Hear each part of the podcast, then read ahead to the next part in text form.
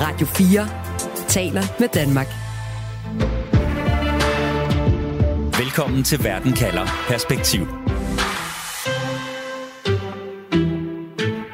Lige så hurtigt de rykkede ind, lige så hurtigt er de nu rykket ud igen. Israelske tropper har efter to intense dage trukket sig fra den palæstinensiske flygtningeby Jenin efter en af de største militære operationer i overvis, der har involveret både soldater, droner, missiler og bulldozer. 12 palæstinensere og en israelsk soldat har mistet livet, mens 3.000 mennesker er drevet på flugt fra Jenin. Situationen er eskaleret med et gengældelsesangreb i Israel, hvor en palæstinensisk mand sårede ni personer ved at køre en bil ind i en gruppe fodgængere og efterfølgende angreb med en kniv, inden han selv blev skudt og dræbt. Et angreb, som den militante palæstinensiske gruppe Hamas har taget skylden for. Tilbage i Jenin, der beskylder de palæstinensiske myndigheder Israel for en åben krig mod befolkningen i Jenin. Men de israelske myndigheder, de kalder det en succesfuld antiterroraktion. En militæraktion, som altså ifølge Israels Netanyahu ikke vil være Israels sidste. Kampen fortsætter altså, og derfor spørger jeg i dag, hvad er Israels mål med palæstinenserne? Jeg hedder Stine Krohmann Dragsted. Velkommen til Verden kalder perspektiv, hvor jeg stiller et spørgsmål, der giver dig perspektiv på verden omkring os, og på 30 minutter giver dig et svar. Du lytter til Radio 4. I ly af natten ruller det israelske militær det tunge skyts ind, artilleri, maskingeværild, droner, helikopter, ind i den palæstinensiske flygtningeby Jenin, som ligger i den nordlige del af den besatte Vestbred. Her bliver de mødt af bevæbnede militante palæstinenser og brændende bildæk. Den to dage lange militæroperation skulle ifølge Israels premierminister Benjamin Netanyahu rykke terrorismen op med rode. Jotam Confino, journalist med base i Tel Aviv, men lige i øjeblikket hjemme øh, for sommeren, så i dag med fra studiet i København. Velkommen til Verdenkalder. Tak skal du have, Stine. Og også velkommen til Mads Friland, der er landedirektør i Palæstina for Folkekirkens Nødhjælp og med fra Øst-Jerusalem. Hej, tak for nu. Så I følger begge to øh, den her udvikling, der er i Israel og i Palæstina tæt. Hvorfor var det lige præcis Jenin, der blev området for den her øh, meget intense, men meget korte militæroperation? Jamen det var det af den helt enkle og klare årsag, at for israelerne, der er Jenin en terrorrede. Det siger premierminister Netanyahu også helt klart og tydeligt. Og det er der sådan, sådan ikke noget nyt i. Men hvis vi kigger på altså de sidste 18 måneder, hvor mange terrorangreb, som er blevet udført af palæstinenser mod israelere, både på Vestbreden, øh, men også inde i Israel, så kommer øh, rigtig mange af dem netop fra Jenin. Så kan man sige, Israel har øh, noget dokumentation for, at det er Jenin, hvor det udspringer fra. Der er også, altså ikke bare Israel, men også andre, som kan påpege, at lige præcis Hamas og Islamisk Jihad for eksempel, de har ret meget kontrol med, med Jenin. Øhm, det er ret almindeligt kendt faktisk, at de på mange måder egentlig øh, styrer store dele af, af byen her. Så for Israel, der er Jenin terrorreden. Det er her, man bliver nødt til at ramme terrorens hjerte, simpelthen for at komme det til livs. Mads Friland, der er en terrorrede, et hjerte, man gerne vil ramme, siger Israel og Israels militær, men det er jo også en by, det er også en flygtningelejr, og det er altså en af den øh, slags flygtningelejre, der har ligget så længe, at det i realiteten jo er blevet en permanent bebyggelse. Ikke? Når man ser billeder fra byen, så kan man jo se, at der er højhuse, folk bor i, at der er 14.000 mennesker sådan cirka. Hvordan ser deres tilværelse ud, Mads? Øh, ja, men Jenin er, er jo som sagt det er opstået omkring en, øh, en flygtningelejr øh, med flygtninge fra, øh, fra det, der nu er Israel, men som i 48, øh, da Israel øh, blev oprettet, øh, medførte en fordrivelse af, af 100.000 af, af palæstinenser, og nogle af dem de havnede i, i det, der nu er Jenin. Kernen er flygtninge fra ja, 75 år siden, og deres efterkommer. Øh, det er en meget, en meget fattig by. Det er en øh, by, som øh, har en tradition for at være øh, sådan, øh, se sig selv som værende sådan en oprørerby, og nogen, der, der kæmper hårdt imod øh, besættelsesmagten. Så det er i den forstand, så, så ser de, har de også en selvforståelse af øh, som værende et, et sted, som der kæmper imod, også med vold.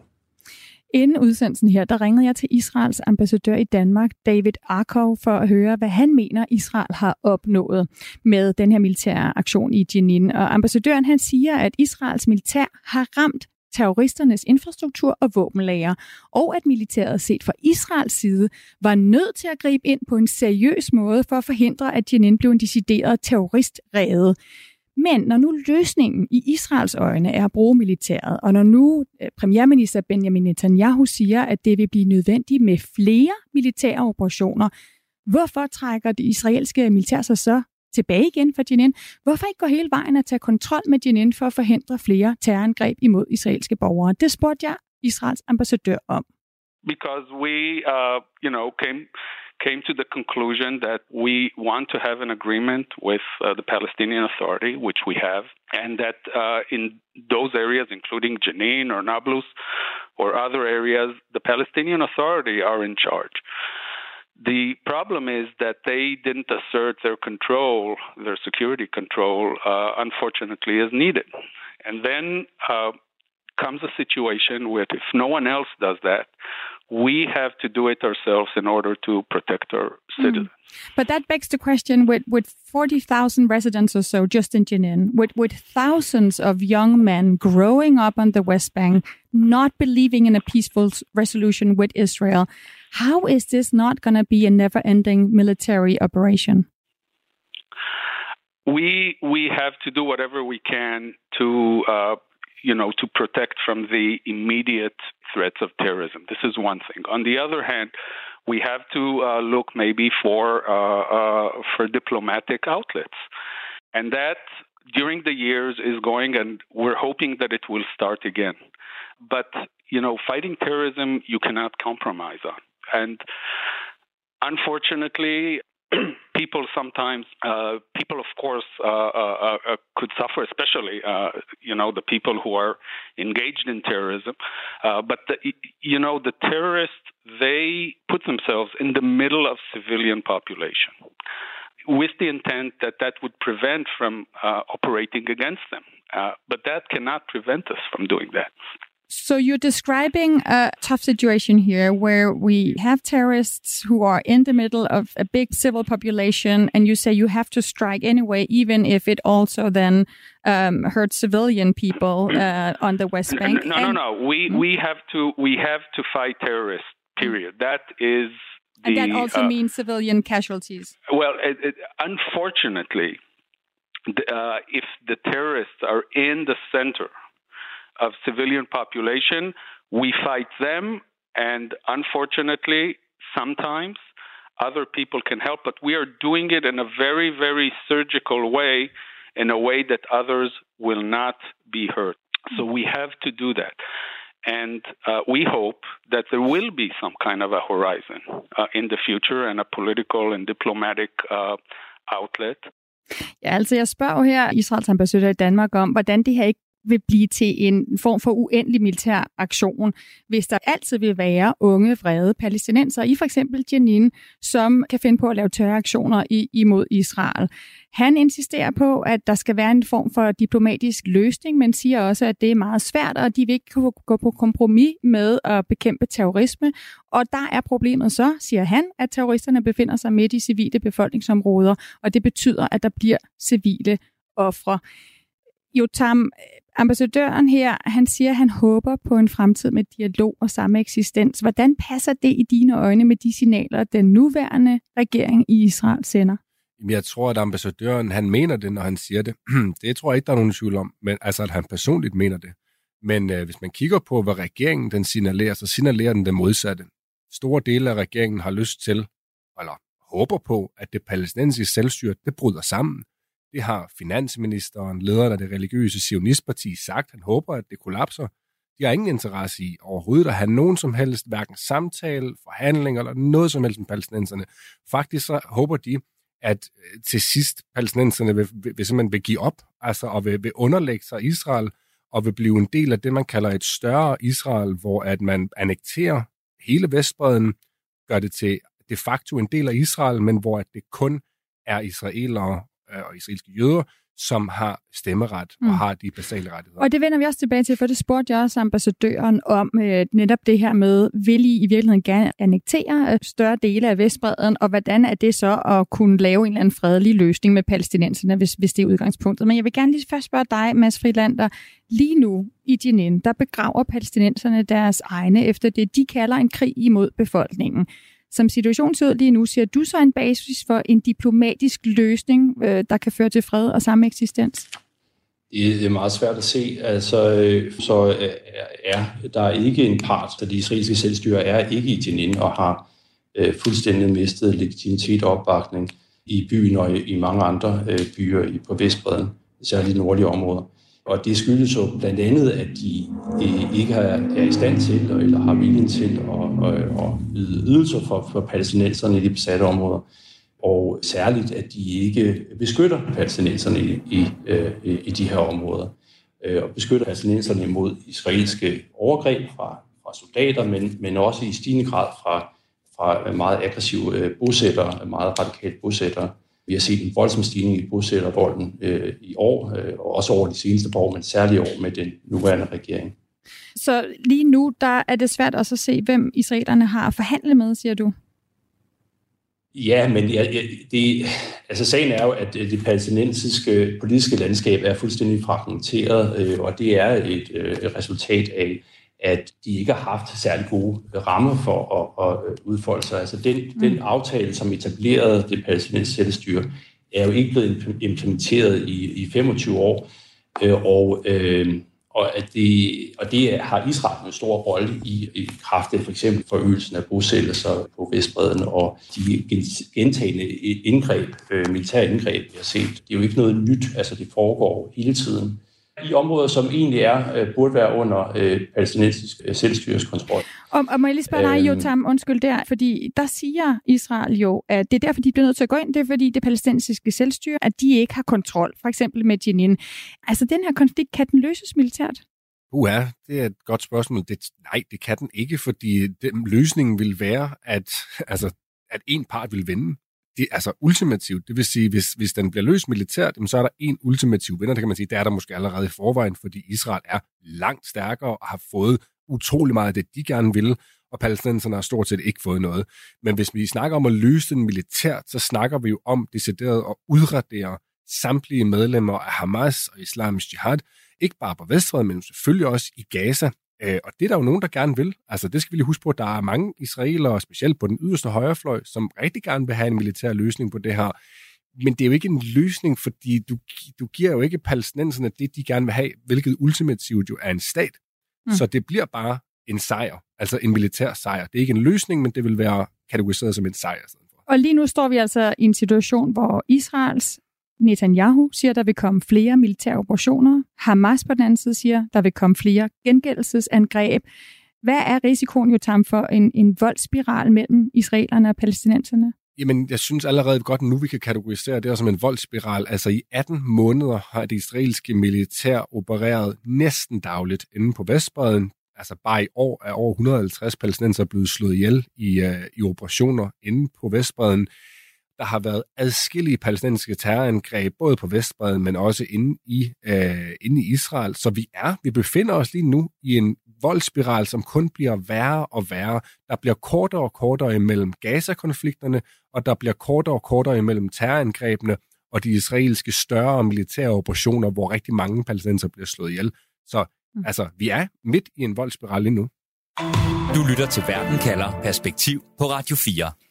I årtier har palæstinensernes ret til en selvstændig stat været den helt store fælles politiske sag, som binder de arabiske lande sammen. Men som årene går, så glider den palæstinensiske sag i baggrunden, og flere og flere arabiske lande får bedre forhold til Israel.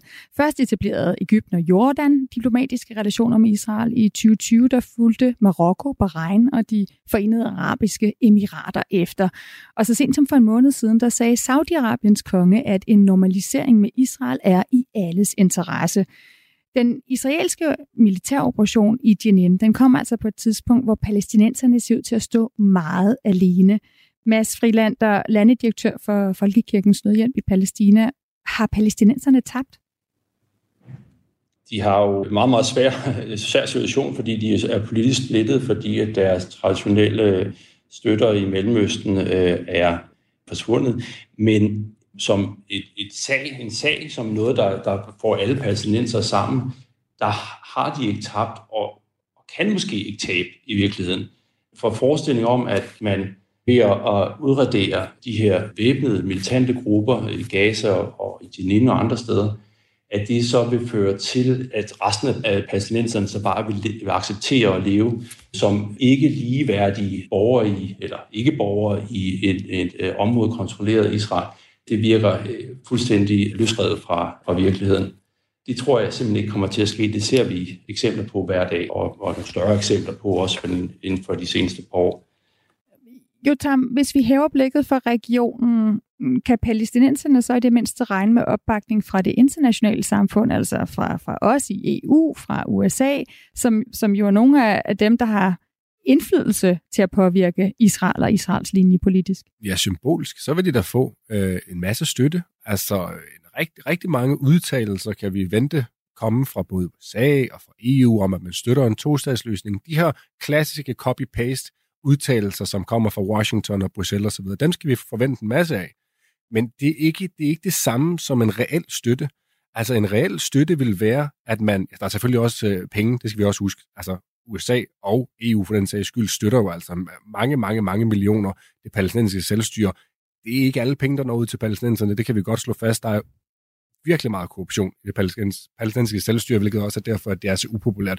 Men hvis vi kigger på altså, en reel hjælp, en reel støtte, det vil jo være, hvis USA for eksempel gik ud og sagde, okay, det er helt tydeligt, at Israel har for det første behandlet palæstinenserne utroligt dårligt, systematisk undertrykt dem i lang tid. Det skal stoppe nu. Hvis ikke Israel stopper med det, så fratager vi dem den økonomiske, diplomatiske og militære støtte. Det er sådan et helt konkret eksempel på, hvordan at USA kunne hjælpe palæstinenser på en måde, som rent faktisk vil være en hjælp. Og at først der vil Israel måske ændre deres adfærd, hvis ikke man ser konsekvenser i form af sanktioner eller økonomisk afstraffelse eller diplomatisk afstraffelse, som skyld, jamen så har Israel, i hvert fald den nuværende regering og højre, højrefløjen i Israel, ingen incitament til at ændre deres adfærd over for palæstinenserne. Der står stadig det spørgsmål tilbage, hvad Israel så vil med palæstinenserne i det lange løb. Lad os prøve at kigge på det og også få et svar fra den israelske ambassadør her i Danmark. Radio 4 taler med Danmark. For i realiteten så er det altså de færreste, der i dag tror på muligheden for en tostatsløsning. Altså en, hvor der er et land til israelerne og et land til palæstinenserne, i modsætning til nu, hvor palæstinenserne ikke har en selvstændig stat. Og det er heller ikke de signaler, den nye regering i Israel, øh, den mest højorienterede nogensinde, sender. Så hvad er Israels langsigtede planer med de 5 millioner palæstinensere, som jo bor på Vestbreden og i Gaza? Altså mennesker, som i den israelske regerings øjne, øjne udgør en, en konstant terrortrussel mod Israel og israelerne. Mads Frilander, Tostatsløsningen, den er stadig officiel politik fra det internationale samfund, men, men du taler om, at der er en etstatsrealitet. Hvad mener du med det? Så det er et udtryk, som mere og mere bliver brugt af eksterne observatører og, og diplomater, at tostatsløsningen vurderer man er blevet nærmest umulig, som øh, Israel har øh, indført øh, flere og flere bosættelser på Vestbreden, og og når man har set øh, det politiske udvikling, der har været i Israel, så virker det meget verdensfjernt at forestille sig, at det kan blive til en to-statsløsning. Så er det så en enstatsrealitet, hvor at, at sagen jo så bare er, at Israel har kontrol over befolkningen, som hvor halvdelen består af palæstinenser. Og, og så er spørgsmålet så, hvad, hvad gør man så øh, med dem? For hvis, øh, hvis man vil have en, en jødestat, hvilket er, er det erklærede mål, kan man så acceptere at have et øh, potentielt øh, flertal, som ikke er jødisk. Der er, er svaret nok, at det er der ikke rigtig politisk vilje til, og derfor så ser vi måske ind i en fremtid, nutid og en fremtid, hvor at vi har to folk, men hvor at det er domineret af et folk, øh, som har rettigheder, hvor øh, et øh, andet folk ikke har rettigheder, i hvert fald ikke politiske rettigheder. Da jeg talte med den israelske ambassadør her i Danmark, David Arkov, spurgte jeg også, hvad Israels langsigtede plan er, og om det i virkeligheden er annektering af Vestbreden, altså at man faktisk går imod den her et-stats-realitet.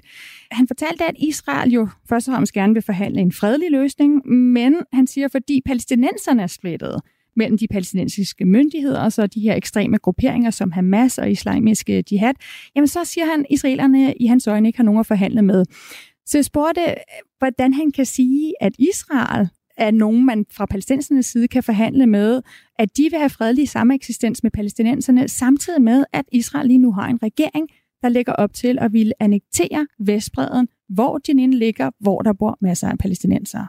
Yeah, I mean, if the Palestinians will not have the problems I described of being divided and uh, putting preconditions, then there might be conditions ripe for, for, for talking and negotiation. So I'm wondering about this because on the Israeli side, uh, with the new government, there is a clear push for annexation. I mean, according to the coalition deal between the religious Zionism and Likud, annexation is definitely on the table, right? And, and Netanyahu himself has said that Jews have the exclusive right to live everywhere in Israel, including Judea and Samaria, meaning the West Bank. How is this push for annexation being a partner for peace? Well, first of all, uh, you know, there wasn't uh, any annexation. Uh, and uh, I'll just give you an example of what happened in 2005. But is even, there is do you agree that there is a clear push for annexation with the with the new government? There, is, there are different voices among different parties, but uh, in terms of the government itself, there's no talk of annexation at this point. You were just telling me how the Palestinians are divided. How is that not also having a divided partner on the Israeli side? Yeah, but but there is a government and there is a clear position of the government on this issue. How does an exclusive right to live everywhere in Israel, including Judea and Samaria, meaning the West Bank, how is that not a push for annexation? Uh, because you know um, Israelis and Jews have been uh, settling there for for uh, you know quite a few years. But as uh, I uh, mentioned, or I started to mention, in 2005, uh, we left uh, with a government decision. We left the Gaza Strip, and uh, even though there were uh, Jewish settlements there, uh, they were disbanded. Uh, so, um, so the fact that there are that there are settlements that doesn't prevent future negotiations, and and the outline of an agreement will be determined uh, by, by negotiations. Jotam, hvordan skal vi forstå det, ambassadøren siger her? Altså, jeg prøver jo at forstå, når man har en regering, der presser for annektering, hvordan kan det så betyde, at man samtidig siger, at man er en, partner for peace, altså at man gerne vil have fredelig sameksistens?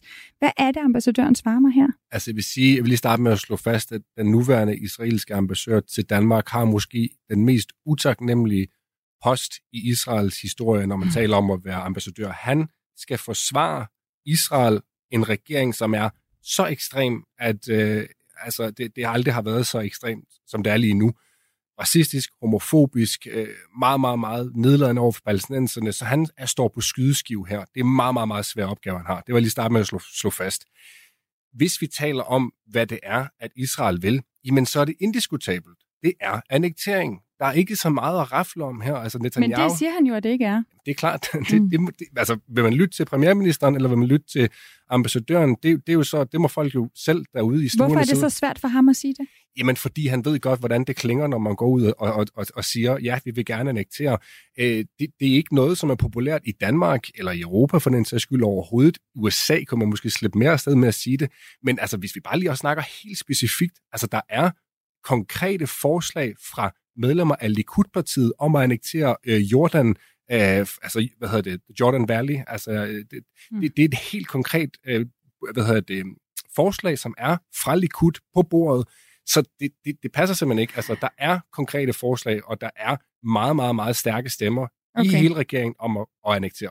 Tiden løber desværre fra os her. Jeg vil simpelthen lige have, I høre, øh, hvad ambassadørens svar er på det spørgsmål, jeg også stiller jer lige om lidt. Altså, hvad er øh, Israels endelige mål med palæstinenserne? Prøv lige at høre her.